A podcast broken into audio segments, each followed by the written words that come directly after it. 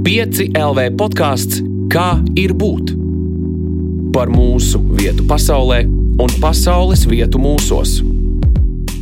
Sveiciens podkāstā, kā ir būt. Es esmu Elīna Balskara, un šodien mūsu epizodes tēma ir kalpošana. Un viena no definīcijām, ko piedāvā skaidrošā vārnīca, ir dienēt karaspēkā šim vārdam. Un, Slimnīcas šobrīd ir eh, kļuvušas par eh, tādām kara zonām, un mediķi un ārsti ir kļuvuši par tiem, kuri tur šo fronti, atrodoties ierakumu un patstāvīga apdraudējuma apstākļos. Taču viņi tur ir, jo ir devuši zvērstu, un eh, šodien arī pie mums ir viena no frontes dāma, kura arī kalpo sabiedrībai. Pie manis ciemos anestezioloģijas rezidente Veronika Baltmane Veckalna. Labdien! Čau, Veronika! Paldies, ka tu šeit esi. Un Tu jau kopš pandēmijas sākuma darbojies arī Covid intensīvās terapijas nodaļā, es pareizi saprotu. Jā, jā, tā ir. Protams, tā plūsma ir nedaudz dažāda. Jā, tad, kad saslimstība bija pierimusi, tad mēs ārstējām arī pacientus ar citām saslimšanām, ne tikai Covid intensitātei, saslimstībai pieaugot. Tad, protams, aizvien vairāk palātas tiek atvēlētas tieši Covid pacientiem. Bet kopumā, jā, sākoties pandēmijai, tad nepārtraukti jā, ir bijis kontakts ar šiem Covid pacientiem. Es eh, noteikti ļoti daudz gribēju zināt par to, kā ir tajā frontē, bet eh, tavs ceļš uz fronti nesākās gluži vakardien. Mediķis ir tā profesija, kurai ir, kuras apgūšanai jau vien ir jāvēl ļoti ilgs laiks, un eh, anesteziologs savukārt ir tieši tās virziens. Nu, man liekas, ka Tas ir tāds ārsts, kurš ir baigi atbildīgs par cilvēka dzīvību. Tieši. Tas vairs nav par uh, laustiem kauliem tikai vien, tas ir uh, par uh, to nu, lielāko, kas mums iespējams pieder. Kā tu nolēmi uzņemties tik lielu atbildību? Patiesībā mans stāsts ir diezgan triviāls, ja tā varētu teikt. Kad es vēl biju tāds riktīgs jaunietis, jā, ar rozā brillēm un tādu rozā skatu uz dzīvi, tad, protams, ka mans tāds galvenais mērķis bija, ka es vēlos palīdzēt cilvēkiem. Un man gribējās būt šajā pasaulē kaut kam, kaut kam īpašam, kaut kam svarīgam, kaut kam noderīgam. Laikam, tas tāds pats svarīgākais moments. Un tā es domāju, ka es kļūšu par ārstu. Un, protams, seriālu balstīts, filmu balstīts, jā, lēmums parasti ir tāds, ka cilvēks vēlās būt ķirurgs, jo liekas, ka tas ir tāds, nu, viss varenākais, visvarošākais dakteris, kas noteikti arī ir ķirurgu profesija, ir tiešām ļoti svarīga. Un, teiksim, tā, viņi salāpa un sadakterē cilvēkus. Un no tādu mērķi es arī gāju uz medicīnas augstskolu. Bet, nu, tad laikam ejot, un nu, dzīvē mūs iegriež dažādos celiņos, ceļos, neceļos. Un, Tad, attiecīgi, tas lēmums nedaudz mainījās. Sapratu, ka ķirurģija īsti nav man. Un tad ļoti ilgu laiku es nevarēju izdomāt, ko tad es vēlos darīt, kāds ārsts es vēlos būt. Patiesībā līdz pat gandrīz pašas augstskolas absolvēšanai nevarēju izdomāt konkrēti, kāda specialitāte, kur es varu būt noderīga. Bet jau kopš trešā studiju gada, laikam, es vienmēr esmu teikusi tādu frāzi, nu, ja es būtu nedaudz gudrāk, es noteikti būtu anesteziologs. Un, nu, droši vien, zin, kā kaut kāda karmiskā saikne un kaut kādā veidā jau tomēr pievilka tā profesija, bet nu, bija bail, ka tiešām jāzina daudz, jāmāk daudz. Un, līdz ar to nu, drusku bailes bija, protams. Bet uh, tad mums bija tāds burvīgs priekšmets augstskolā, kā starpdisciplinārā pieeja neatliekamiem stāvokļiem. Tur mēs tiešām izspēlējam dažādas simulācijas. Jā, te ir Lēla, kas ir tavs pacients, un Eidā. Eidā arī darbojas, viņam ir slikti. Un šobrīd no tava lēmuma, no tavām komandām, jā, pārējiem darbiniekiem, māsām ir daudz kas atkarīgs. Un es sapratu, ka man tas patīk. Un tad, attiecīgi, doktora, kas vadīja to nodarbību, teica, nu, atnāc, atnāc, Pauli, un te pie manis paskaties, kā ir patiks, patiks, nepatiks, nepatiks. Un es teicu, nu, es nezinu, es jau neko nezinu, un tā man tiek izbeigts. Nav tā, nāc un mēģini. Nu, un tā es arī atnācu, pamēģināju, man tiešām sāka patikties. Mūsu gadā bija ļoti liela konkurence tieši uz anestezioloģijas rezidentūru, un nu, tas bija noteikti vēl viens iemesls, kāpēc bija tā šaubīgi. Bet ne, gala rezultātā es iekļuvu jā, gan valsts budžetā, un līdz ar to arī sāku strādāt šajā profesijā. Protams, atkal joprojām bija tās rozā brilles un tā sapratne, ko tu dari, nāca aptuveni gadu vēlāk.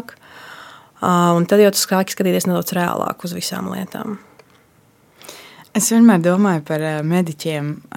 Nu, it īpaši skatoties Latvijas kontekstā. Nu, tā nav atalgotākā profesija. Tā nav profesija, kas ir ar tādu. Nu, ir sabiedrības daļa, kurai it kā mediķis liekas ļoti prestižs, bet uh, tajā pašā laikā nu, daudz skatās uz ārstiem arī kā uz tādiem nu, nabadzīgiem. Un uh, tīpaši šobrīd daudz dusmojās uz ārstiem. Tā ir ļoti grūta vieta, kur būt. Un, un kā tu saki, tur vajag daudz zināt, un tas ir fiziski grūts darbs, negulētas stundas, milzīgs stress, viss pārējais. Nu, ja jāsaka godīgi, nu, nešķiet diezko simpātiska izvēle. Bet tāpēc, um, tas ir aicinājums, vai tā ir, tā ir tiešām izvēle, vai arī bez aicinājuma tur nav ko darīt? Es teiktu, ka sākotnēji tur ir jābūt šim aicinājumam, šai aicinājuma sajūtai tik tiešām. Jo, ja ir šaubas, iet vai neiet, tad es vienmēr saku, neiet. Jā, RSU ir organizējusi tādu jauno ārstu Teksim, akadēmijā, kad skolēni var atnākt, pamācīties, paskatīties, iepazīties ar profesiju. Esmu vadījusi tur arī dažas nodarbības, un man vienmēr skolēni jautā, nu, es nezinu, vai ir tā vērts. Es saku, ja tu sev jautā, vai ir tā vērts, tad noteikti nav. Tur ir jābūt stingrai pārliecībai, ka es to gribu, un viss, un tu vēlies, un tu tur ej. Jā. Un tad tālāk jau tālāk tā ir izvēle. Kad tu pabeidz augstskolu, kad tu pabeidz studēt šos sešus gadus, tā tālāk jau ir tava izvēle. Jo ir daudzi kolēģi, kas ir aizgājuši citādākus ceļus, un es viņus ļoti labi saprotu, un es viņus noteikti nenosodu un pat atbalstu. Jo medicīnas izglītība tev dod ne tikai medicīniskās zināšanas, tā tevi attīsta par personību, tā dod tev noteiktas iezīmes un ievirzes, un līdz ar to tās var izmantot ļoti daudzās sfērās.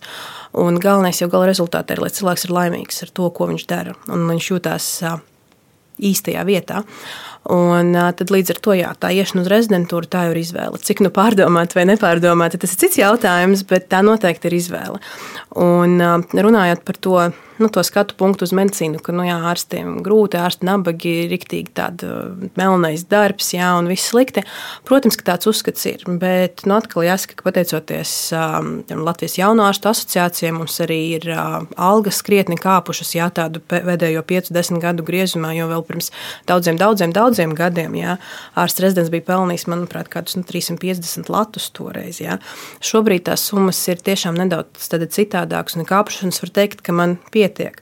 Tā pašā laikā ārsts jā, var dabūt tādu labu algu un atalgojumu, bet uh, tur tas drusku cits nosacījums, ka parasti ir uh, jāstrādā vairāk. Jā, tas ir vairāk nekā 8 stundas un 40 stundas nedēļā un 8 stundas dienā. Parasti jau ārsts nodarbojas visu kaut ko arī papildus. Jā. Piemēram, cik es mācu arī studentus, jā, tad nu, tā ir vēl viena papildus nodarbošanās, kas ir vēl papildus tam normālajam laikam, bet Tu jau to dari nevis tāpēc, ka tev pietrūks naudas vai tev baigi vajag, bet tāpēc, ka tev tas interesē. Ja? Un bieži vien ārstiem ir nepieciešami aizvien vairāk un vairāk izaicinājumu, un viņi ņem aizvien vairāk, vairāk darbus, tāpēc, ka ir tas drives, ir tas nu, kaifs strādāt. Ja? Uh, bieži vien, jo es pirmie ļoti labi saprotu, ka man šobrīd finansiāli viss apmierina, viss ir labi. Ja? Bet es domāju, bet varētu aiziet vēl, es varētu aiziet kaut kur plāna anestezioloģijā, pastrādāt, jā, vai tas, tas būtu interesanti, vai akūta anestezioloģija, tā ir pieredze, to vajag. Un tas arī ir viens no motivatoriem. Līdz ar to jā, tā atkal, no atkal runa par izvēli. Cik daudz vēlēsies strādāt, un cik daudz gribi darīt, un cik daudz gribi pilnveidoties. Līdz ar to es uh, saprotu, ka ir tie divi skatījumi, bet nu, man ļoti nepatīk, ja uz mums skatās kā uz tādiem nabadzīgiem. Nē, mēs esam savā specialitātē, un lielākā daļa dara to ar tiešām ļoti lielu patiku un ļoti lielu deksmi. Jautājums, protams, cik ilgi tā deksme ilgst, jā, jo situācijas ir dažādas, bet primāri jau tomēr tā ir. Un savukārt, runājot par to tādu, nu, kā kalpošanu, jā, cik tā ir tāda mūsu tēma, tad nu, faktiski Zin, kā, ar to kalpošanu ir interesanti, jo daudz tiešām uzskata, ka nu, tu esi tāds, jā, tu esi kalps, un es varu tevis atnākt, es sagūlēju informāciju, viss, tu man izraksti recepti un dari, kā es saku. Tas, laikam, arī nav īsti pareizi, jo tomēr es teiktu, ka mūsu tāds primārais mērķis, laikam, ir palīdzēt, un tas ir tā nedaudz citādāk no kalpošanas, jo pacients nevar mums norādīt, ko un kā mums pareizāk ir darīt, jā, jo tomēr šī ir mūsu kompetence. Tā ir, jā. Un uh, tu stāstīji par to mediķa darbu uzņemšanos, un, un cik viss ir interesanti, un kā gribās vēl un vēl, jo interesē. Man arī ģimenē ir mediķi, un skatoties no malas, esot klāt un blakus, man tiešām liekas, ka tie cilvēki ir pišķiņu dulli, bet tādā labā nozīmē, jo, jo tiešām neskatoties uz to, cik tas darbs ir gan fiziski, gan emocionāli grūts, viņi to iet un dara un beigu beigās glābi taču mūsu dzīvības. Labākajā gadījumā, jā. jā, nu ļoti, ļoti ceru, bet uh, lai kļūtu par to mediķi un, un varētu glābt, ir tāds interesants brīdis, ļoti tradicionāls brīdis - Hipokrāta zvērests. Tu vari pastāstīt, kāda ir sajūta nododot zvērestu? Jo es nekad savā dzīvē neesmu nekādas zvērestas devusi. Man tā ir melna bilde. Kā tas ir? Nu, zini, man tur saka, man skrien nedaudz tirpiņas, jo es atceros laikam, savu izlaidumu, jā, jo mēs bijām tie veiksmīgie, kam izlaidums bija klātienē un tā, kā tam ir jānotiek, jā, jo toreiz no Covid vēl nebija nemiņas. Un, uh, ir droši vien droši diezgan dažādi. Un ārsts noteikti dos tādas dažādas atsauksmes par šo, jo pēc būtības mēs pārakstam hipokrātisko. Ja, tad tas ir pilnveidots, nedaudz modificēts, mūsdienām pielāgots zvērests, kas ir hipokrātiskais zvērests. Mēs to parakstam brīdī, kad mēs esam nokārtojuši valsts eksāmenu. Un tālāk ir šī zvērsta nodošana jau izlaidumā, bet tajā brīdī ir tā, ka ir divi studējošie, nu, jau jā, absolventi, nevar teikt, studējoši absolventi, kas šo zvērstu lasa. Viens lasa latīniski, otrs latviešu. Un tad, attiecīgi, pārējā zāle auditorija uz to katru teiksim, teikumu, frāzi, viņi saka, zvēru. Un, nu, man savā ziņā ir paveicies, kolēģi man toreiz bija izraudzījušies kā viena no tiem, kas lasīja to zvērstu latīniski, un uh, mans vīrs, kas arī ir ārsts, uh, lasīja viņu latviešu. Protams, stāvot uz skatuves un to lasot. Uh, ir tieši tāpat kā šobrīd tā sajūta, tev tiešām skrien tirpiņas pāri, jo tu saproti, ka tu apsolījies kaut ko tādu, ko tu pildīsi visu savu dzīvi, tieši vai netieši. Tas nozīmē, ka tu nepaiesi garām cilvēkam, kas ir nelaimē uz ielas. Jā, man ir dzīves laikā, vēl pirms es biju ārsts, man bijuši brīži, kad man bija jāsniedz pirmā palīdzība uz ielas. Viens cilvēks cietušais bija nokritis no kāpnēm, kamēr remontē kondicionieri lielveikalā ar pārsistu galvu. Un tajā brīdī tev bija jāsauc neatliekamā palīdzībā, jāuzliek spiedošs nu, spiediens, jāapsaitē. Tur man liekas, bija gadi 16 vai 17. Jā. Es biju uz vietas, kad bija pašnāvības mēģinājums meitenei. Tad, tad nu, tu saproti, ka tu vairs nevari paiet tādām situācijām garām, dodot šo zvērstu. Viņš nav teicams tikai uz slimnīcu. Tas ir tavs dzīvesveids šobrīd, un līdz ar to tu saproti to nopietnību. Tev skrien šermuļi pāri, tādā nu, labā ziņā tās skudriņas, jo tu saproti, ka tu šobrīd sevi apsolās kaut kam ļoti, ļoti, ļoti vērtīgam.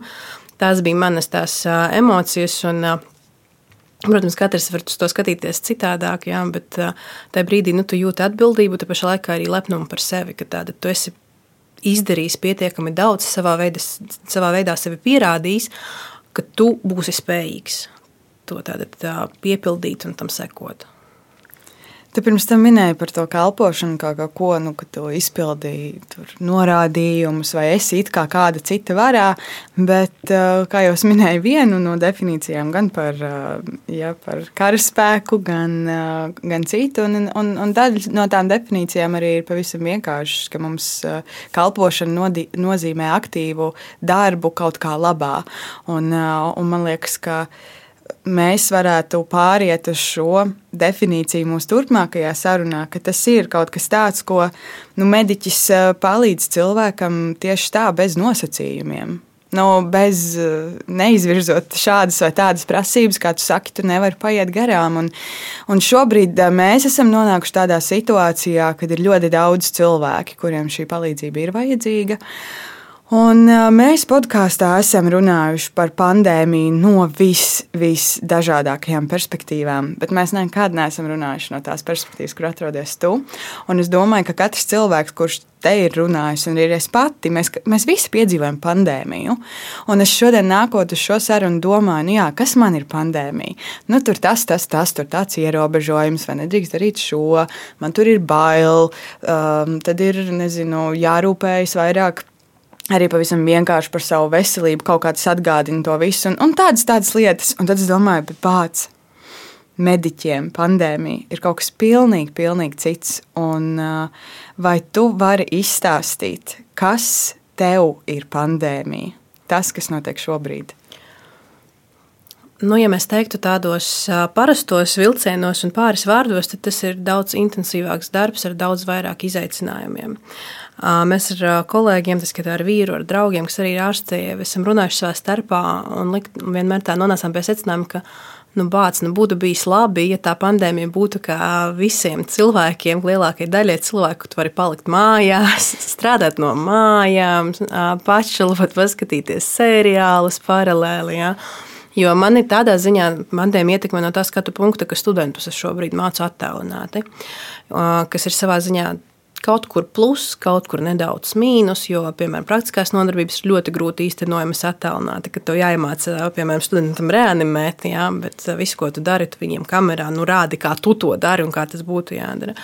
Teorētiskās nodarbības savukārt atvieglo brīžiem to dzīvi. Tad tādā ziņā šī pandēmija man ir skārusi nu, kā, kā lielāko sabiedrības daļu. Ka kaut kādu daļu darbu es varu darīt no mājām, kas brīžiem ir nu, tīri patīkami. Uh, bet uh, kā ārstam, kā medicīnas darbiniekam, protams, šī pandēmija tevī raisa to nu, tādu vēl lielāku atbildības sajūtu un vēl lielāku sapratni par to, kad slodze pieaugs un kad tu vari vienā brīdī nonākt līdz tai kliņas malai, ka to saslimušo būs tik ļoti daudz, ka tu nevarēsi visiem palīdzēt, ka tev būs jāizvēlas, kuram šī palīdzība šobrīd ir visnepieciešamākā. Un tā ziņā tas ir ļoti, ļoti izaicinošs brīdis un izaicinošs moments. Tā tev ir rada baļķu sajūta par to, ka cik ļoti tu vispār būsi spējīgs palīdzēt, cik daudziem, un cik ļoti tu pats neizdegsi brīdī, kamēr tu spēj sniegsi šo palīdzību. Tas ir ļoti, ļoti liels challenge. Mijās ar tādu teiksim, bailu un uztraukumu sajūtu par to, kā būs. Jo tu redzi situācijas nopietnību, tu redzi, cik daudz ir pacientu, tu redzi, cik viņiem ir smagi, tu redzi, ka slimo aizvien jaunāki un jaunāki pacienti. Un tad tu saproti, ka tu esi savā veidā, nu, tu redzi tādu lielu loteriju, jo tu nekad nevari zināt, kuram pacientam būs viegla norise un kuram būs grūta covid infekcijas norise. To īsti nevar paredzēt. Uh, Un tas viss kopumā tā neziņas sajūta, jā, tā sajūta, ka nu, ir, ir šobrīd riktīgi, teiksim, tā ļoti prastiem vārdiem runāt, jāmauc uz priekšu, jādara un jāiztur un jācenšas palīdzēt vien vairāk cilvēkiem. Nu, tas tāds mikslis šobrīd. Es domāju, ka to es varētu labāk šādi raksturot. Tu esi tas cilvēks, pie kura nonāk jau tie, kuriem ir visgrūtāk. Um, tā teikt, pēdējais posms, pēc kura vai nu cilvēks izdzīvo, vai arī, diemžēl, aiziet no šīs dzīves.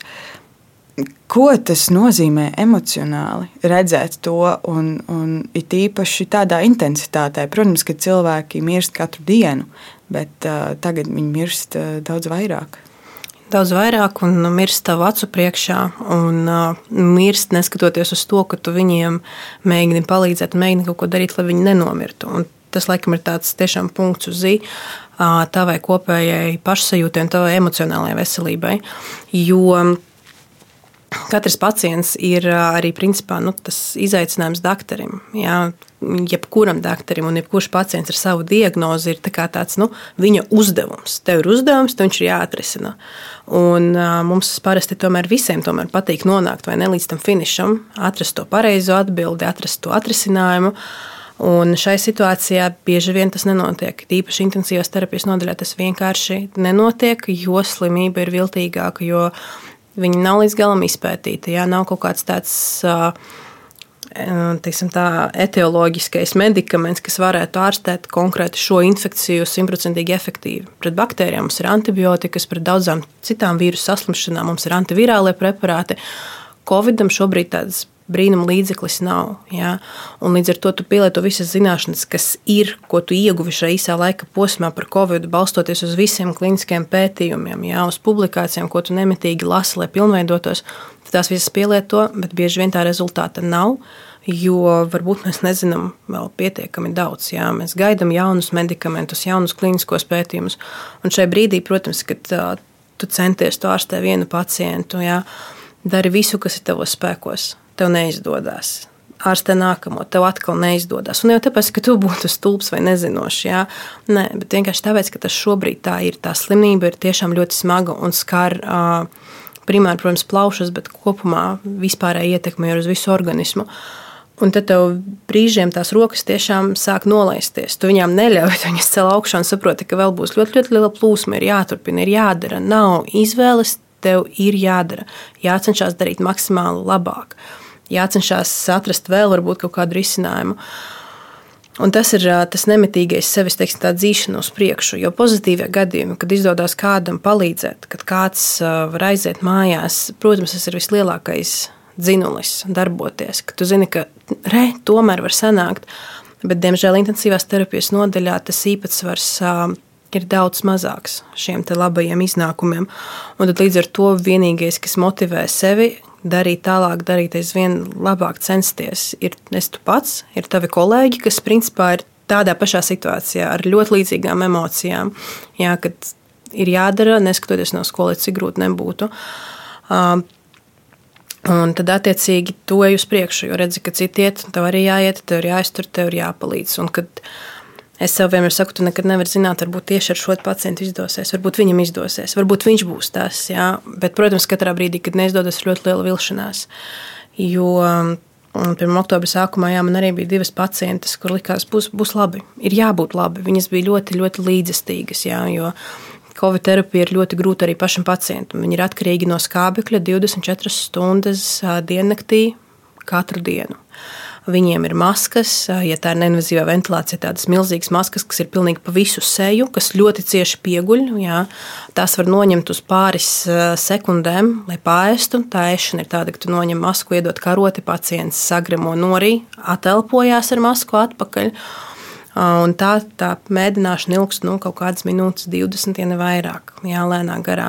Tas ir grūti arī pacientam, bet viņas to izturēja. Viņas bija gatavas, viņas turējās, viņas ļoti grozījās, gulēja uz sāniem, uz vēdera, jo tas arī palīdz apskābekļot plaušas, darīja visu. Un te likās, varbūt būs labi, varbūt, varbūt šeit, varbūt šeit. Bet tad uh, vienā brīdī vienai no viņām bija nepieciešama jau invazīvā plaušu ventilācija, mākslīgā plaušu ventilācija, tad viņa bija jāintubē. Un, nu, tajā brīdī tu stāvi klāt un tu domā, ka nu, kā, šis ir tas, ko viņa redz un dzird. Uz ilgu laiku šobrīd, jā, jo pacienti sāk mehāniski ventilēt plaušas, tad tā ir arī tā medikamentozā teiksim, tā sedācija, medikamentozais miegs. Jā. Pacienti guļ, jā, viņi respektīvi, nu, nereaģē uz apkārtējo vidi. Jā, tad, tad tas, ko šobrīd teikšu, būs pēdējais, ko viņi dzirdēs uz ilgu laiku, vai nu pēdējais vispār. Jā, un tu saproti to savu atbildību. Un tad tu turi to pacientu aiz rokas un saki, ka nu tā, tagad jūs esat darījusi ļoti daudz darba, jūs esat uh, malicis, jūs labi turējāties, bet šobrīd, diemžēl, jums vajag, respektīvi, vēl lielāku palīdzību. Jā, no mūsu puses jums nepieciešams šobrīd atpūsties. Jā. Līdz ar to, nu, pirmkārt, vai jūs piekrītat, jo katram pacientam tiek prasīta piekrišana. Un, ja jūs piekrītat, tad nu, jā, mēs iedosim zālītes, jūs aizmigsiet, ja, un tad aparāts pēlpos jūsu vietā. Un, nu, šajos brīžos jā, tu saproti to savu atbildību par šo lēmumu. Mm, tu saproti to visu nastu, un paralēli, protams, ceri, ka tas palīdzēs. Bet tas nevienmēr, diemžēl, palīdz. Tā ir teiksim, invazīva procedūra, jā, kurai joprojām var būt daudz tādas komplikācijas un, un, un teiksim, blakus efekti. Jā gan papildus pneimonijas attīstība, bakteriāla un nu, daudz vis kaut kas. Bet nu, šobrīd uzskatu, ka tas ir labākais tam pacientam, tu to izdari. Galu galā arī otra pacienta nonāca līdz šai intubācijai, un diemžēl neviena no viņiem neizdzīvoja. tad šai brīdī tu, nu jā, tu saproti, ka tu, tu centies, tu darīji, bet iekšā iesmeldzās kaut kas. Bet kopumā jau mums tomēr ir kaut kāda tā barjera uh, izveidojusies, to ādu ir jāaudzē, jo tu nevari līdz dzīvot par pilnīgi, pilnīgi, pilnīgi katru pacientu, jo tad tu vienkārši nogulinās pats sevi. Tu izdegsi, tu nonāksi līdz depresijai un nu, tālāk pa to zināmo celiņu. Jā. Un tad, līdz ar to, protams, ir, ir šī tāda uzaudzēta, jo vairāk strādā, jo biezāk viņa paliek. Bet ir ļoti svarīgi atrast līdzsvaru starp šo cilvēcību un to, ka tu šim cilvēkam esi šobrīd tāda lielākā cerība. Ja?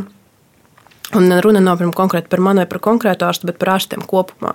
Jo intensīvā terapijā nav viens dakteris, kurš izārstē pacientu. Tas ir milzīgs komandas darbs. Jā. Katru dienu nāk jauns dakteris, turpina iepriekšējā doktora iesākto, kaut ko pielabo, kaut ko pamaina. Un vēl arī ir māsas, kas ir vienkārši, man liekas, pamatu pamats vispār medicīnā, jo viņi ar tiem pacientiem ir katru dienu visvairāk, viņi ar viņiem komunicē, viņi viņus visvairāk aprūpē. Tas tāds kopējs pienesums. Un tajā brīdī, kad saproti, ka šis tavs um, devums šai kopējai pienesumam, un kopējais pienesums nav devis rezultātu, protams, ka sāp.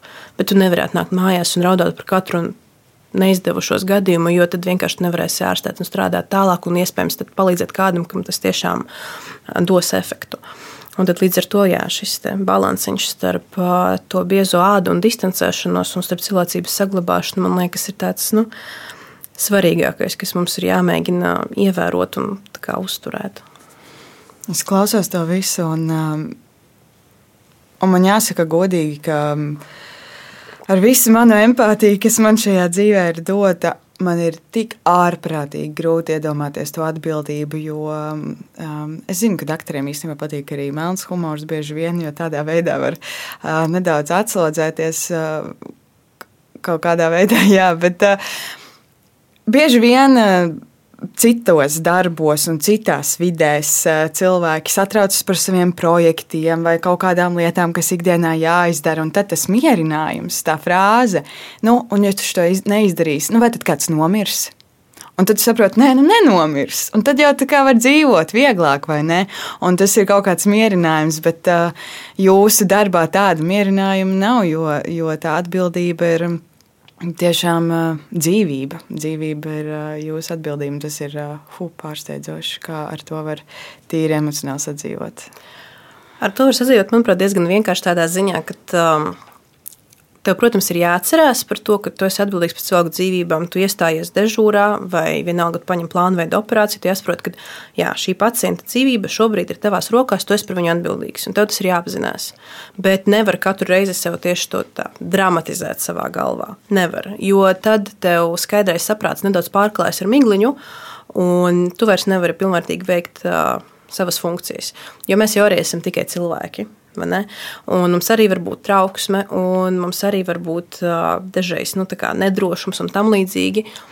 To jāmēģina izslēgt. Un tad līdz ar to ir kaut kur zemapziņā, jā, ir tā doma, ka okay, šī šobrīd ir mana atbildība, mana atbildība šī cilvēka priekšā, mana juridiskā atbildība, mana atbildība viņa radinieku priekšā. Tas vienmēr ir galvā, bet šis dramatiskais moments, jā, zin, kā to patīk rādīt filmās, vai nu, kā parasti cilvēki to iztēlojas, ka tas ir supervaronis, es pavisam esmu atbildīgs, viss, jā, manās rokās ir dzīvība. Nē, tas, tas ir izslēgts abso, absolūti, jo tas rada papildus trauksmi, ja viņš ir, un to nevajag. Tā ir vienkārši tāda apziņa, tas ir mans darbs, un arī šis darbs kādam ir jādara. Un es šobrīd to daru. Un es daru to ar saviem labākajiem, vispār labāko savu tieksmi, jā, un labākajiem motīviem. Tādā ziņā tas ir, jā, bet noteikti bez kaut kādas pārspīlēšanas, jo tad būtu grūti. Tu stāstīji par to nu, gan spriedzi, gan izaicinājumiem, gan visu pārējo, kas šobrīd notiek um, nodaļā, slimnīcā. Bet ir arī milzīga spriedze un milzīga izaicinājuma tieši arī attiecībā uz mediķiem, uz medicīnu, uz zinātnē, kā tādu ārpus slimnīcām. Ko tu domā par uh, to, kas notiek uh, tur? Uh, neusticību kaut kādā veidā, um, nu, nomelnošanu, nereti apvainošanu. Kādas ir tavas personīgās sajūtas par to, kas notiek ārpus nodaļām? Godīgi sakot, man laikam ir paveicies. Mēs visi taču veidojam kaut kādu savu cilvēku loku, jā, ar ko mēs komunicējam, uzturam kontaktus. Un tad man šis lokus ir ļoti izglītots. Jā, mani draugi, paziņas ir zinoši, saprotoši cilvēki, kas seko līdzi pierādītām lietām. Un tad līdz ar to man ļoti reti ir nepieciešamība kaut ko skaidrot un pārliecināt un tam līdzīgi. Tādā ziņā tiešām man veicās. Bet, piemēram, runāt par sociāliem tīkliem tos cilvēkus, kas publisko tādu viltus informāciju, jā, vai nevis pierādījumu, kaut kādas pieredzes un personīgā viedokļa balstītu informāciju. Nu, godīgi sakot, es vienkārši padzēsusi no saviem sociāliem tīkliem, jo pietiek tā, ko es redzu slimnīcā. Es nelienu komentāru sadaļās un nemēģinu kādam kaut ko iegalvot. Jo tas cilvēks, kurš vēlās klausīties, vēlās atrast informāciju, viņš atrod ceļu līdz tam. Kategoriski noskaņotus cilvēkus mēs nevarēsim pārliecināt ar komentāru palīdzību. Līdz ar to tam es esmu uzlikusi absolūtu tabu. Lai taupītu savus nervus un savus pārdzīvojumus, jo to man pietiks arī tam nu, slimnīcā, teiksim tā. Bet um, tas, ko es redzu ir tas, ka jā, tas tiešām eksistē un bieži vien padara grūtāku dzīvi šiem medikiem, kas no sirds cenšas darīt kaut ko lietas labā. Un arī ir tā diezgan. Nu, Ir bēdīgi redzēt, kad neusticās tev, jā, kā ārstam, ārstiem kopumā, jo tie tomēr ir cilvēki, kas ir daudz mācījušies un turpina mācīties vēl aizvien un aizvien un aizvien. Es varu atnākt mājās no darba pēc pilnas darba dienas slimnīcā ar studentiem, un man vēl ir jāvar atvērt palasīt, jā, ko jaunāko informāciju, jaunākos pētījumus, kā tur ir tām trešajām vakcīnu devām, kāpēc, kuras labāk miksēt. Jo prasa, patiesībā jau te jautā gan tavi draugi, gan paziņas, gan absolūti nesaistīti cilvēki sociālos tīklos, jā, Instagram. Un galu galā arī pavisam banāli arī garderobis tas, jā, tev var uzjautāt kaut ko. Tā, nu, tā tiešām es neku tāda saskarīga, kad ļoti, ļoti, ļoti random teikt cilvēki uzjautā, jo, nu, tur pret viņiem esi laipns un jauks, tad tā saruna jau pavirzās taksisti, piemēram, ja, un tam līdzīgi. Un tas rada tādu papildus slogu. Jā, esmu saskārusies arī ar agresiju. Jā, piemēram, es no rīta braucu uz dežūru un, nu, piemēram, jāsanāk, jāpakaļ taksis, jo sabiedriskais īsti līdz mājām neiet. Un tad tu iesēdies pirms dežūras, un tad tev sāk runāt par to, ka, zini, Covid vispār nav.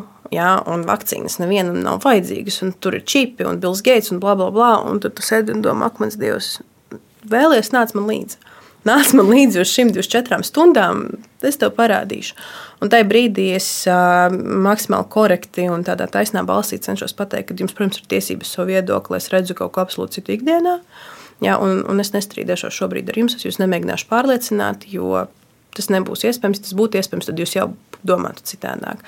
Un tad, protams, tas ir tāds papildus, tāds, es teiktu, nedaudz kaitinošais moments, jā, kas tev arī drusku aizskar. Uh, Bet uh, es tomēr cenšos tā neinvestēties tajā, jo tiem, kas vēlās klausīties, tiem es labprāt uh, stāstu. Tie, kas vēlās pajautāt konkrētas lietas, jā, ne, un kas nāk nevis ar sazvērstības teorijām un pārmetumiem, tiem es labprāt stāstu, izklāstu, parādu. Bet citiem es vienkārši neredzu vajadzību šobrīd, jo tas, tas nedos efektu. Cilvēkiem ir visādi priekšstati par to, kas notiek arī nu, tieši slimnīcās vispār.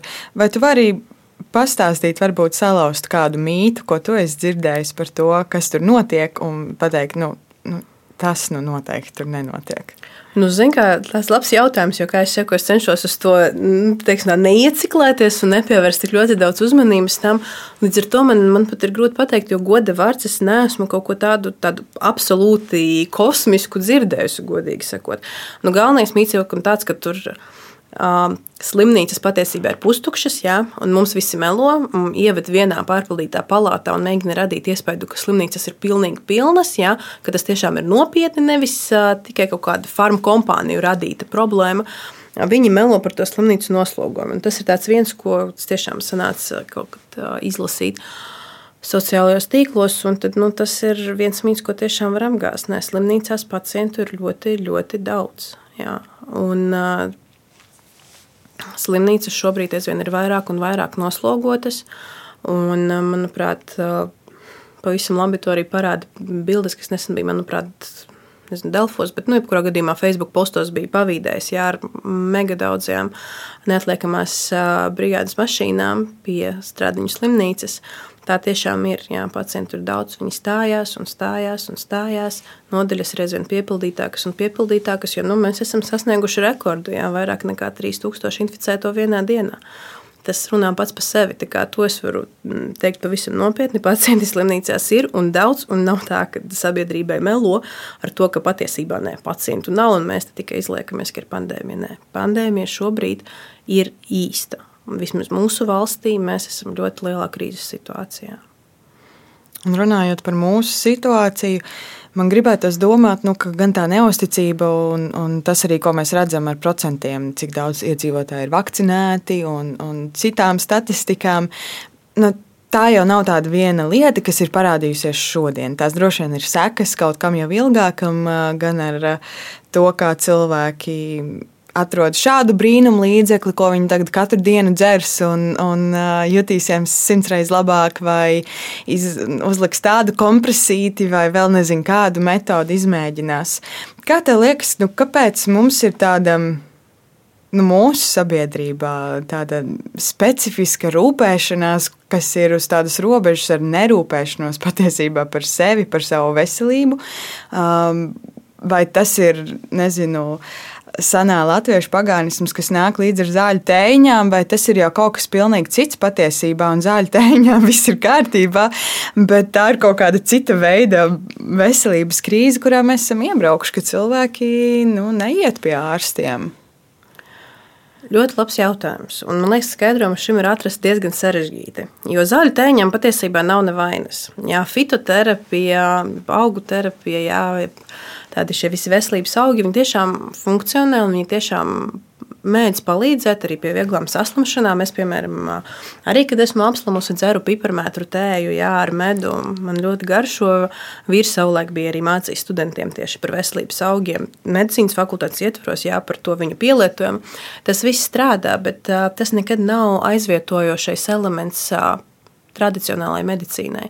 Tas ir kā palīgs, jā, lai kaut kādā veidā varbūt tas stiprinātu to kopējo veselību, kopējo stāvokli, bet ar to nevar ārstēties. Tā noteikti ir viena no šīm lietām, jā, kas cilvēku galvās varbūt arī ir par to, ka netradicionālā medicīna tieši šī dažāda augu terapija un tēņas, ka tas ir pats, pats, pats, pats, pats svarīgākais. Tas ir svarīgi, bet noteikti pats svarīgākais nav. Un otrs, mm, kas varētu sekmēt šo visu un šo kopējo neusticību medicīnai, varētu būt personīgā pieredze. Jā, personīgā pieredze varbūt par to, kā kaut kad kāds konkrēts dakteris ir izturējies pret konkrētu pacientu. Diemžēl mēs visi zinām, ka tā mēdz notikt, jā, kad ārsts ir pārstrādājis, pārslogojies, viņš mēdz kādreiz pateikt nejaukāk. Bet es gribētu teikt, ka šis aiziet aizvien tālākā un tālākā pagātnē. Vismaz man mācoties, un mūsu tādai jaunai paudzei mācoties, ļoti liels uzsvars tika likts uz šo ētiku, uz šo sadarbību ar pacientiem, uz komunikāciju, kā tu runā, ko tu dari. Un, nu, es personīgi ļoti cenšos to ievērot, un es balsu uz pacientu nesmu pacēlusi nekad. Jā. Līdz ar to es teiktu, ka tas ir tāds mikslis par to, ka man vienreiz negāja labi, un vispār man toreiz slikti apārstēja, un līdz ar to es neusticos nevienam. Jā, plus kādam tas ir tiešām tas, nu, tā, tā, tā senču tie visi ticējumi un, un, un receptes, jā, kas mijās kopā. Un tad kādam vienkārši ir tieksme vairāk piekrist visām sazvērstību teorijām, jo mūsdienās jau domāt citādāk ir diezgan moderni, es tā teiktu. Um, vienmēr jau ir interesantāk būt tai otrajā pusē, ja, un būt pret visiem, un būt oponentam, jo tas tev uzreiz liek justies ekskluzīvākam un vairāk pamanītam. Bet uh, nu, labi, tas ir. Tas ir ok, bet tikai ne šajā situācijā. Ne tad, kad uh, katrs cilvēks, manuprāt, ir atbildīgs par to kopējo sabiedrības stāvokli. Un katrs šobrīd, novakcinējoties, paliekot mājās, var uh, attiecīgi arī nu, dot savu ieguldījumu šim visam. Tā kā šajā situācijā es domāju, ka tas īstenībā nav, nav attaisnojums. Visādi citādi katram ir tiesības uz savu teiksim, viedokli. Es tieši pirms nācu šeit, es uh, lasīju Finnas Korderuda grāmatu Nemieris. Uh mhm. -huh. Tur bija tāds uh, lielisks uh, citāts, ko tur tikko runāja par to opozīciju, ka tas ir stilīgi. Uh, viņš raksta par mūsdienu sabiedrību, viņš ir psihiatrs. Un, uh, viņš uh, raksta, ka varas kritika nav tikai drosmīgi cilvēku darbi, tagad tā ir arī esamības veids, kas ļoti, man liekas, labi sasaucas ar, ar tavs, tevis sacīto. Ka, jā, tā jau ir tāda kaut kāda komponente no manas būtības, ka man vienkārši ir jābūt pret. Tāpēc, ka tā ir jābūt. Mhm. Bet atgriežoties pie tā, par ko mēs runājām. Sākumā par kalpošanu un par to labo kalpošanu, nevis tādu pakļautības, pakļautībā esošu kalpošanu. Uh, Kā tev liekas, tur ir runāja par to visu noslodzi un, un, un to grūtumu. Un ir tas vecais labais teiciens, ka vispirms gaisa maskā lidmašīnā ja, saka, vispirms tev ir jāuzliek sev, un tad ir jāpalīdz citam. Um, Tev liekas, ka cilvēks var palīdzēt kādam citam, ja viņš nav vispār iemācījies sākumā palīdzēt sev? Ar ko ir jāsāk? Nu, Ziniet, kā es kaut kad vienā vakarā skatījos seriālu. Es gan neatcerēšos tagad nosaukumu, kāds tas seriāls bija, kā viņš saucās, kaut kas Netflixā. Jo tas ir mans atslodzes veids, skatīties kaut kādus vieglus, vienkāršus seriālus vakarā, pāris seri sērijām. Un tur bija tāds teiciens, broken people help broken people. Un, manuprāt, tas ir tas, kas šobrīd raksturo situāciju vislabāk. Salauzti cilvēki palīdz salauztiem cilvēkiem, jo mūsu visus ārstus šī pandēmija kaut kādā veidā ir ietekmējusi. Protams, ka Daudziem ir izsīkums, ir izdegšana, emocionālā veselība, dod uh, plaisas lēnā garā, jā, un sāk plaisāt. Tas viss ir. Un, protams, ka vislabāk tu palīdzēt vari tad, kad tu pats esi savā res, labākajā resursā. Tad tu vari strādāt tiešām vislabāk un visefektīvāk. Bet šobrīd tas vairs nu, nav, nav jautājums. Sev laika paliek aizvien mazāk un mazāk. Un, protams, arī fiziskā veselība sāk brīžiem pievilt. Jā, es, es esmu diezgan jauna, bet es jau jūtu muguru. Ja? Jo viena no tām piemēram, terapijas sastāvdaļām ir pacientu novietošana prona pozīcijā, jeb pacientu pagriešana uz vēdera. Jo tādā veidā mākslīgi, nu, ar mākslīgā plaušu ventilāciju ventilētiem pacientiem plaušas apskābekļos labāk, dažas daļas. Un tad līdz ar to pacients ir ventilēts, jā, tad attiecīgi viņš ir bez samaņas, un tev viņš ir jāgriež uz vēdera. No manis tāds uh, rekords bija, kad mēs četratā pagriezām 170 kg pacientu uz vēdra no muguras. Jā. Pacients tev, protams, nevar nekādā veidā palīdzēt, ja viņš ir bez samaņas, viņš guļ, tad tev ir jādara viss, lai viņu tā apgriez riņķī. Un tad tu sāc pēkšņi just muguru, lai arī cik tu mēģinātu celt ar dupsi, jā, nevis ar muguras muskuļiem un pildīt visu fitnes treneru norādījumus. Tas nevienmēr izdodas, jo nu, tā pozīcija nav tā ērtākā. Bet jā, tu bieži vien atnāc mājās, tu jūti, ka sāp mugura, tu jūti, ka tu esi tāds nedaudz, nu, teiksim, tu esi noguris, jā, tev ir grūti, tu to visu saproti, saproti, ka būtu forši, tu varētu paņemt vēl kādas pāris brīvas dienas, bet nu, tā nav opcija. Un tu mēģini izdarīt kaut ko savā labā, kaut vai nedaudz atslēgt galvu, atpūsties, iziet pastaigā, tad varētu turpināt.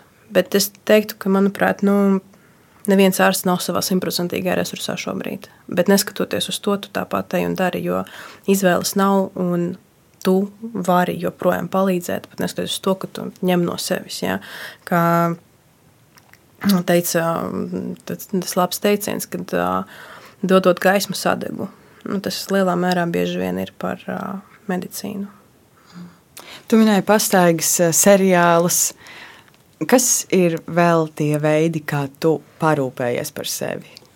Kā tu sev ļauj atpūsties, un pārslēgties un sagatavoties tam, ka mēs jau nezinām, kad šis viss beigsies. Un tas biedē visvairāk patiesībā, jā. jo man vienmēr patīk zināt, kad ir tas finišs un kas ir mans galamērķis. Jā. Pat, piemēram, sportojot, man patīk nevis uz laiku, jā, bet uz piemēram, atkārtojumu skaitu. Jā. Tad man šobrīd ir jāsaka 50 pietupieni, tad 50, jā, tas ir mans mērķis. Šobrīd, nezinot, kad tas beigsies, jā, ir diezgan grūti. Un patiesībā Un, godīgi sakot, par to parūpēšanos ar sevi šobrīd ir tiešām diezgan, diezgan liels problēmas, jo tam bieži vien man banāli nepietiek. Pat ne, ne laika var būt, bet spēka. Spēka un vispār vēlēšanās. Līdz šim mūsu kārtējam lockdownam, mans labākais laikam, veids bija tikties ar draugiem. Mēs burtiski brīvdienas pirms lockdowna bijām uh, spēlēt disku golfu. Mēs bijām paralēli arī pēc tam spēlējām road games, kas tāda aplikācija ar dažādiem interesantiem uzdevumiem un, un, un vietu atrašanu, atbildēšanu uz jautājumiem kādā konkrētā regi, nu, reģiona apvidū. Tas ir tas viens no veidiem. Otrs, jā, tas ir paskatīties seriālu, Man ļoti patīk spēlēt galda spēles mūsu kompānijā. Tas arī tāds ļoti sen nedarīts, bet ļoti foršs pasākums, kad var uzspēlēt kādu foršu galda spēli, kādu strateģisko spēli vai detektīvu spēli. Man bieži vien tiek kaut kāda tāda mājas spā un sevis kaut kādi sakopšanas pasākumi, kuriem šobrīd, tiem gan šobrīd ir ļoti maz spēka. Un, jā, kopumā vienkārši vairāk tā ir laikam, par laika pavadīšanu ar tuviem cilvēkiem un brīžiem, kad tev ir vislielākais resurs, tad tā ir kaut kāda grāmatu un daļa literatūras lasīšana. Jo, kā mēs ar vīriem esam smējušies, tev ir diezgan daudz jālasa medicīniskā literatūra. Ang pamatā jau jā, angliski. Un tad vienā brīdī tu vienkārši apnīk redzēt burtus tu vienkārši apnīk redzēt burtus, apnīk nemitīgi lasīt, un tev tik ļoti nepietiek spēka daļa literatūrai. Man liekas, to vienu grāmatu, kas man riktīgi, riktīgi patīk, jā, kas ir Heilija grāmata, kas tieši vēsta par korespondentiem un televadītājiem un tam līdzīgi, un par to viņu dzīvi no iekšpuses un kā tas viss notiek. Man liekas, jau lasu viņu pāris mēnešus. Es uh, apguļos pirms gulētiešanas, izlasu pāris lapus un es vienkārši atslēdzos. Bet, jā, bet, Tas kādreiz bija viens no tiem veidiem, jā, kas man palīdzēja aiziet no realitātes. Man liekas, ka par mediķiem un miegu varētu taisīt atsevišķu podkāstu, kā jūs, kā jūs sadzīvojat un, un, un izturat to visu. Bet pašā sākumā tu sacīji, ka tu jau vidusskolā tu saprati, nojauti vai zināji, ka tu gribi palīdzēt cilvēkiem. Kā tev liekas, kur dzimst šī vēlme principā vairāk dot nekā ņemt? Nu, runājot par sevi, es to vienmēr esmu saukusi par um, izcilnieka sindromu. Un mēs tā arī ar dažiem kolēģiem nonācām pie secinājuma, ka ne es vienīgā no tā esmu cietusi. Jo nu, es skolā es biju izcilniece. Es parasti nu, pārsvarā ļoti labi mācījos, man bija augsti, augstas vidējās balles, man bija vairākas godalgotas vietas dažādās olimpiādēs. Nu, tāds, nu, tā klas, klasiskā, jā, zubrītā, ja tā var teikt. Nu, ar, to, ar to izņēmumu, kad man parasti vienkārši padevās viegli. Man tiešām nebija daudz jāpiepūlās, lai zinātu priekšmetus, tīpaši tos, kas man interesē. Un tad man liekas, ja tu esi tāds klasiskais izcilnieks, izcilnieks tipiskais, tad skolu absolvētu domā, nu, kas ir visgrūtākais. Nu, kas ir tāds vislielākais challenge, ko es šobrīd varētu sev uh, uzstādīt? Un tad nu, medicīna bieži vien ir viena no tām atbildēm. Ir grūti iedomāties kaut ko grūtāku par medicīnu. Noteikti ir. Es vienkārši neesmu mācījusies citās specialitātēs. Noteikti ir specialitātes, kas ir tikpat grūtas un ko ir tikpat sarežģīti apgūt. Es nestrīdos un nekādā gadījumā negribu noniecināt kādu no profesijām. Uh, bet tu sev gribi uzstādīt augstāko latiņu. Un tad man liekas, ka tas ir viens no priekšnosacījumiem, kas ir tam, lai cilvēks aiziet uz medicīnu. Neobligātais, bet tas, ko tā izdodas vērot, ka tiešām daudzi aiziet tieši šī iemesla dēļ, jo nu, izaicina sevi. Un tā vēlme vairāk dot nekā ņemt, laikam nāk roku rokā ar to nelielu altruismu, kas ir. Kad, nu, uh, es esmu spējīgs, es esmu labs un es varu palīdzēt, un man sanāks palīdzēt. Jā, es būšu tas. Bet katram ir noteikti tas ļoti, ļoti individuāli. Jo konkrēti par sevi runājot, es nezinu. Man vienkārši tā vēl vienā brīdī radās, kad man bija kādi gadi, laikam, 15. Es sapratu, ka es varētu, tas būtu labi, tas būtu interesanti. Uh, Un es atceros, kā es, piemēram, ejot gulēt pirms aizmigšanas, nu, mums visiem ir sava veida, kā mēs aizmiegam. Kāds kaut ko iztēlojās, kāds domā par kādu, nezinu, no siltu māju, kur tevi sagaida, kad tu ierodies un ieliek gultiņā. Nu, katram ir savs, bet es biju iztēlojusies, iemiegot, ka es esmu ārs dežūrā, kas ir iegulējis gultā uz pāris stundām, nu, līdz viņi nepasauc un neuzceļ augšā. Un tad tieši dežūrās ejot gultā, nu, ja mēs, mēs varam atgulties uz pāris stundām, ja viss ir mierīgi. Dažreiz tās ir divas, dažreiz trīs, dažreiz četras. Tad tu vari atgulties, un es tā domāju, nu jā, sapņi piepildās. Līdz ar to kaut kādu to konkrētu avotu es nevaru pateikt, bet nu, tie ir tādi vairāki faktori, kas miedarbojās noteikti. Bet mēs kopumā dzīvojam tādā diezgan nu, egocentriskā, varbūt pasaulē. Nu, pasaulē, ja tā varētu teikt. Daudz tiek runāts par to, kā mums ir jānosprauž savas robežas, mums ir par sevi jāparūpējas, mums ir jādara tas, tas, tas, mums ir pašizaugsme un visādas citādas lietas, kur noteikti ir ļoti daudz labumu visā šajā self-help arī pasaulē, ja to mēs tā varam nosaukt, jo mums tiešām ir par sevi jārūpējas, un man tā gribas ticēt, bet gribas arī domāt, ka tur ir viens brīdis, kurā mēs bišķiņi par daudz aizraujamies un uh, ieslīgstam tādā, es esmu šīs pasaules centrs vai vismaz kaut kas ļoti tuvu tam. Un mēs zaudējam kaut kādā veidā nu, to mūsu kolektīvo dabu, jo beigu beigās mēs taču esam sabiedrība. Un ko tas nozīmē? Tas nozīmē, ka mums arī ir kaut kāda līdzatkarība. Mēs esam savstarpēji saistīti. Kā tev liekas, nu, šajā pasaulē, kur mēs esam tik ļoti katrs pats par sevi, un es domāju, ka arī nu, viens no tiem argumentiem visā vakcinēšanās sāgā ir uh, bieži vien, bet mums jau ir arī tas jādara citu dēļ. Un tad kāds cits saka, bet es esmu vesels, man neko nevajag. Kā mēs šajā situācijā varētu sabiedrību nu, mudināt to domu par, par došanu, par ziedošanos, par kalpošanu tādā pozitīvā nozīmē, kā vērtību, kā kaut ko tādu, kas mums var palīdzēt gan individuālā līmenī, jo tas, es domāju, sniedz arī gandarījumu un labas sajūtas, gan arī kolektīvā līmenī, jo beigu beigās es ar savu individuālo rīcību varu palīdzēt mums visiem kā kopumam. Kā mēs varam motivēt šo?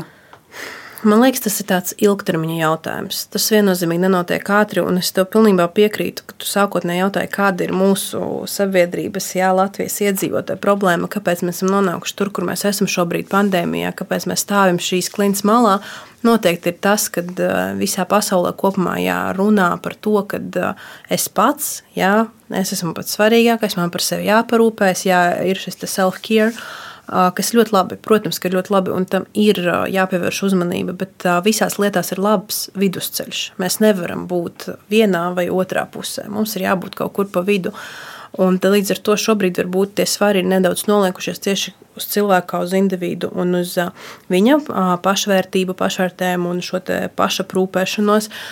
Un, jā, mēs neskatāmies uz sabiedrību kā uz sabiedrību kopumā. Un tur ir problēma.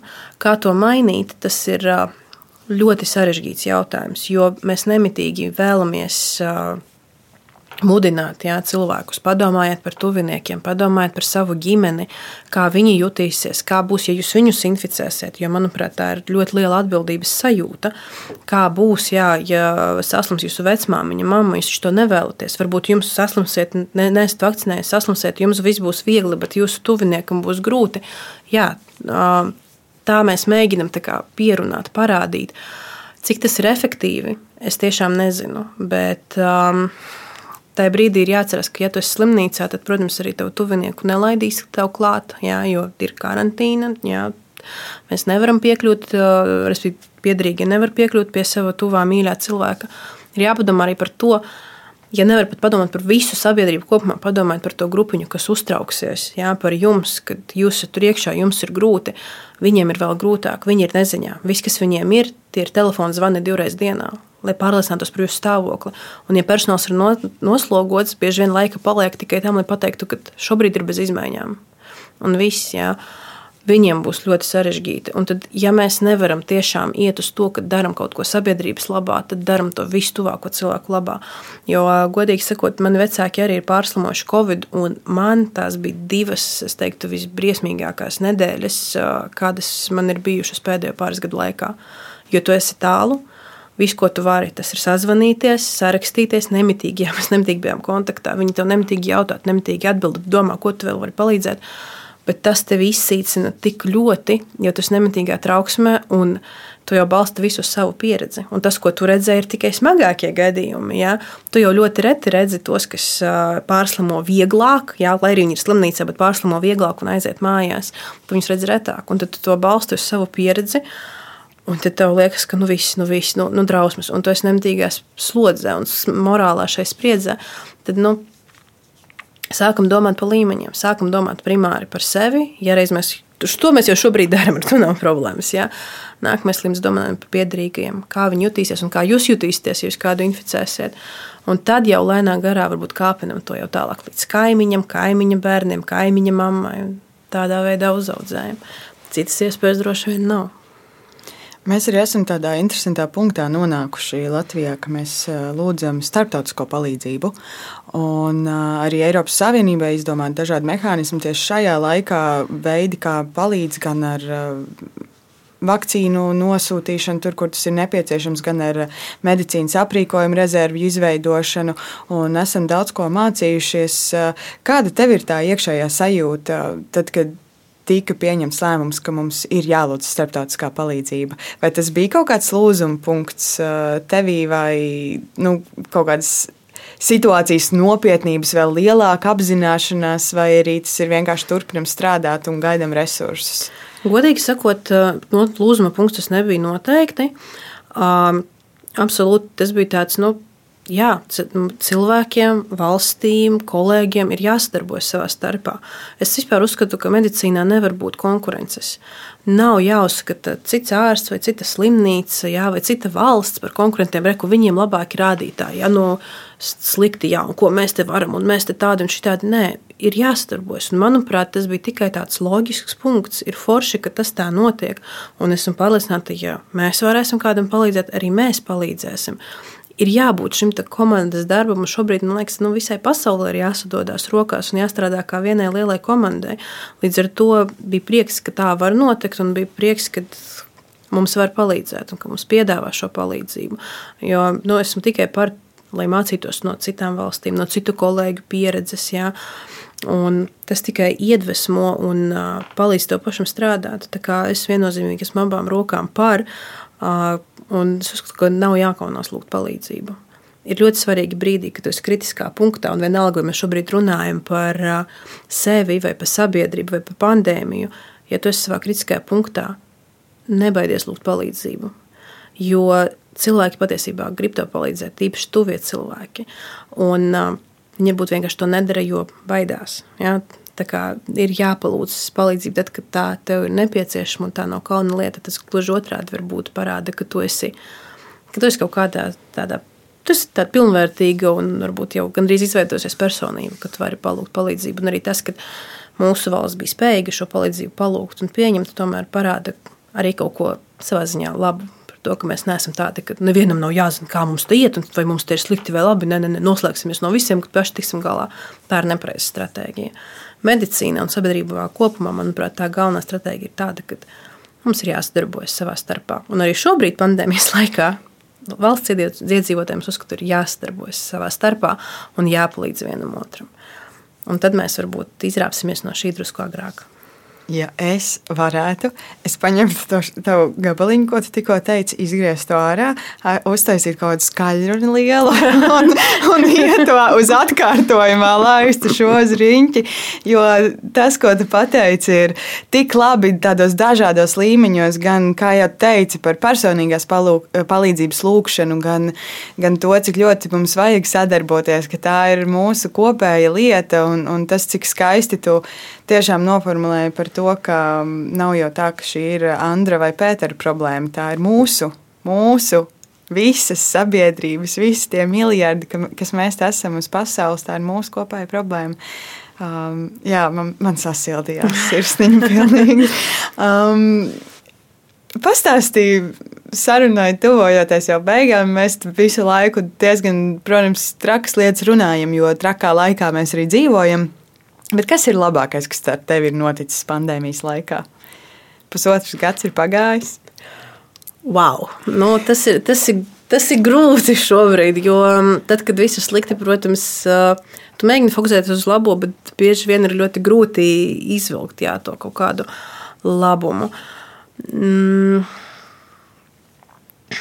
Šeit, laikam, šeit ir nedaudz jāpadomā, jo Laikam tieši pandēmijas laikā tu apzinājies, cik ļoti ir paveicies ar līdzcilvēkiem, kad jūs varat ar kolēģiem vienkārši vakarā pie tējas krūzes, jā, apsēsties un pārunāt un saprast, ka jūs patiesībā esat šobrīd vienā bedrē un izjūtat kaut ko ļoti līdzīgu. Un šis atbalsts ir ļoti svarīgs. Un tajā brīdī jūs saprotat, cik tā tomēr ir forši cilvēki apkārt. Un šī apziņa parasti jau nāk tieši tad, kad ir kaut kādi nu, tumšie laiki. Un tad, tas ir tas, kas man nu, tā, riktīgi palīdzēja to novērtēt.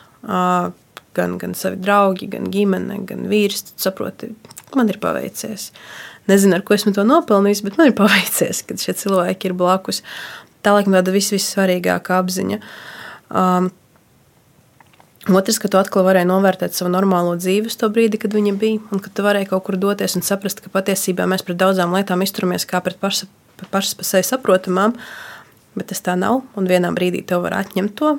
Jā, piemēram, iziešana ārā pēc pulksten astoņiem, jau vēl kaut ko, ka to var ierobežot, ja vajadzēs. Tādas parastas vienkāršas apziņas, kas atnāk. Tas ir tas labais tieši tev, kā laikam, personībai un tavai pašai izaugsmai, ka tu, tu vari to apzināties. Bet, ja mēs runājam par tādām ļoti ikdienišķām un vienkāršām lietām, tad sanāk, ka jā, šīs pandēmijas laikā uh, nu, mums pirms sanācījām beidzot iegādāties savu mājokli. Un tad uh, nāca tā sajūta, ka man ir mājas, man ir savas mājas, šis ir mans leduskapis. Nu, tas nav citas saimnieka leduskapis, īrē man dzīvokli, tas ir mans, es pats nopirku. Un tad, um, nu jā, jo tu daudz strādāji, tam nebija īsti kur naudu tērēt, un to sanāca sakrāt.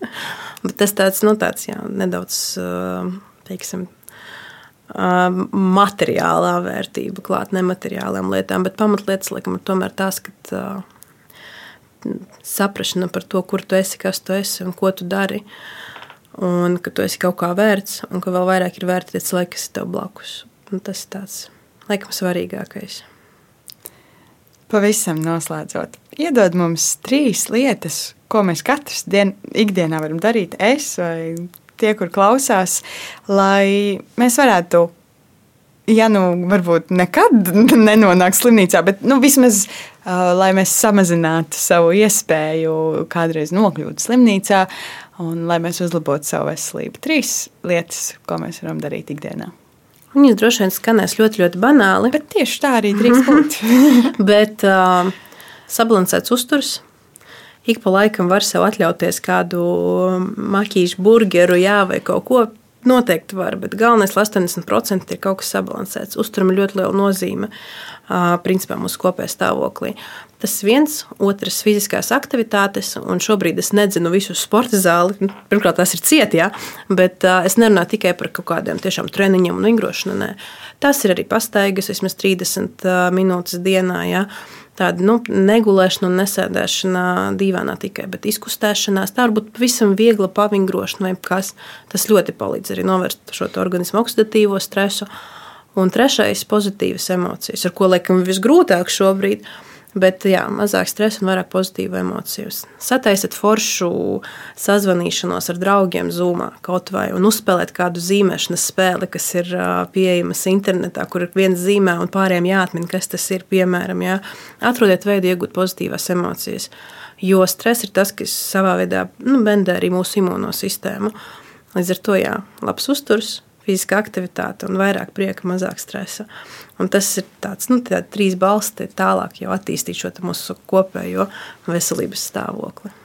Par pozitīvām emocijām runājot, pirms mūsu sarunas skatījos video, kā pie stradiņiem bija uztaisīta tā lielā ziedu sirds, un man likās bāts Tipiskai Elīnai tas liktos droši vien absolūti bezjēdzīgi. Tādus resursus tērēt, tās puķis tur būs jāizmet un tam līdzīgi.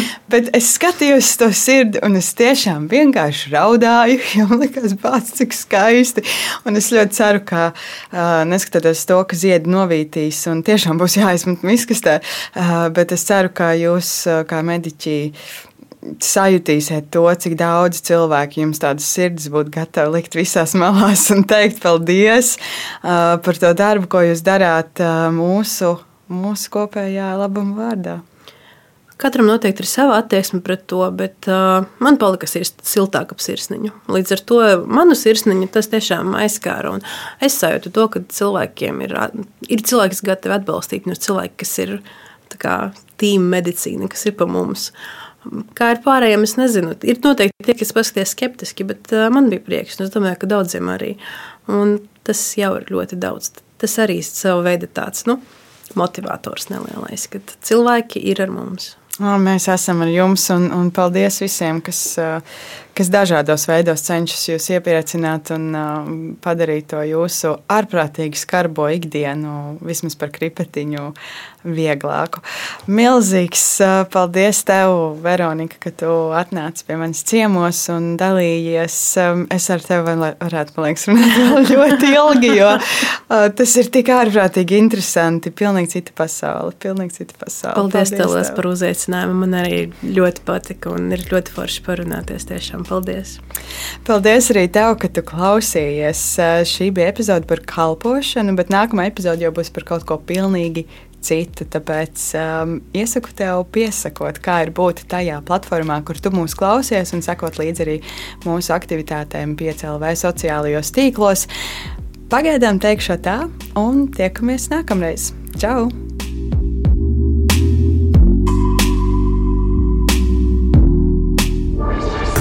Projekts tapis ar Eiropas parlamenta finansiālo atbalstu.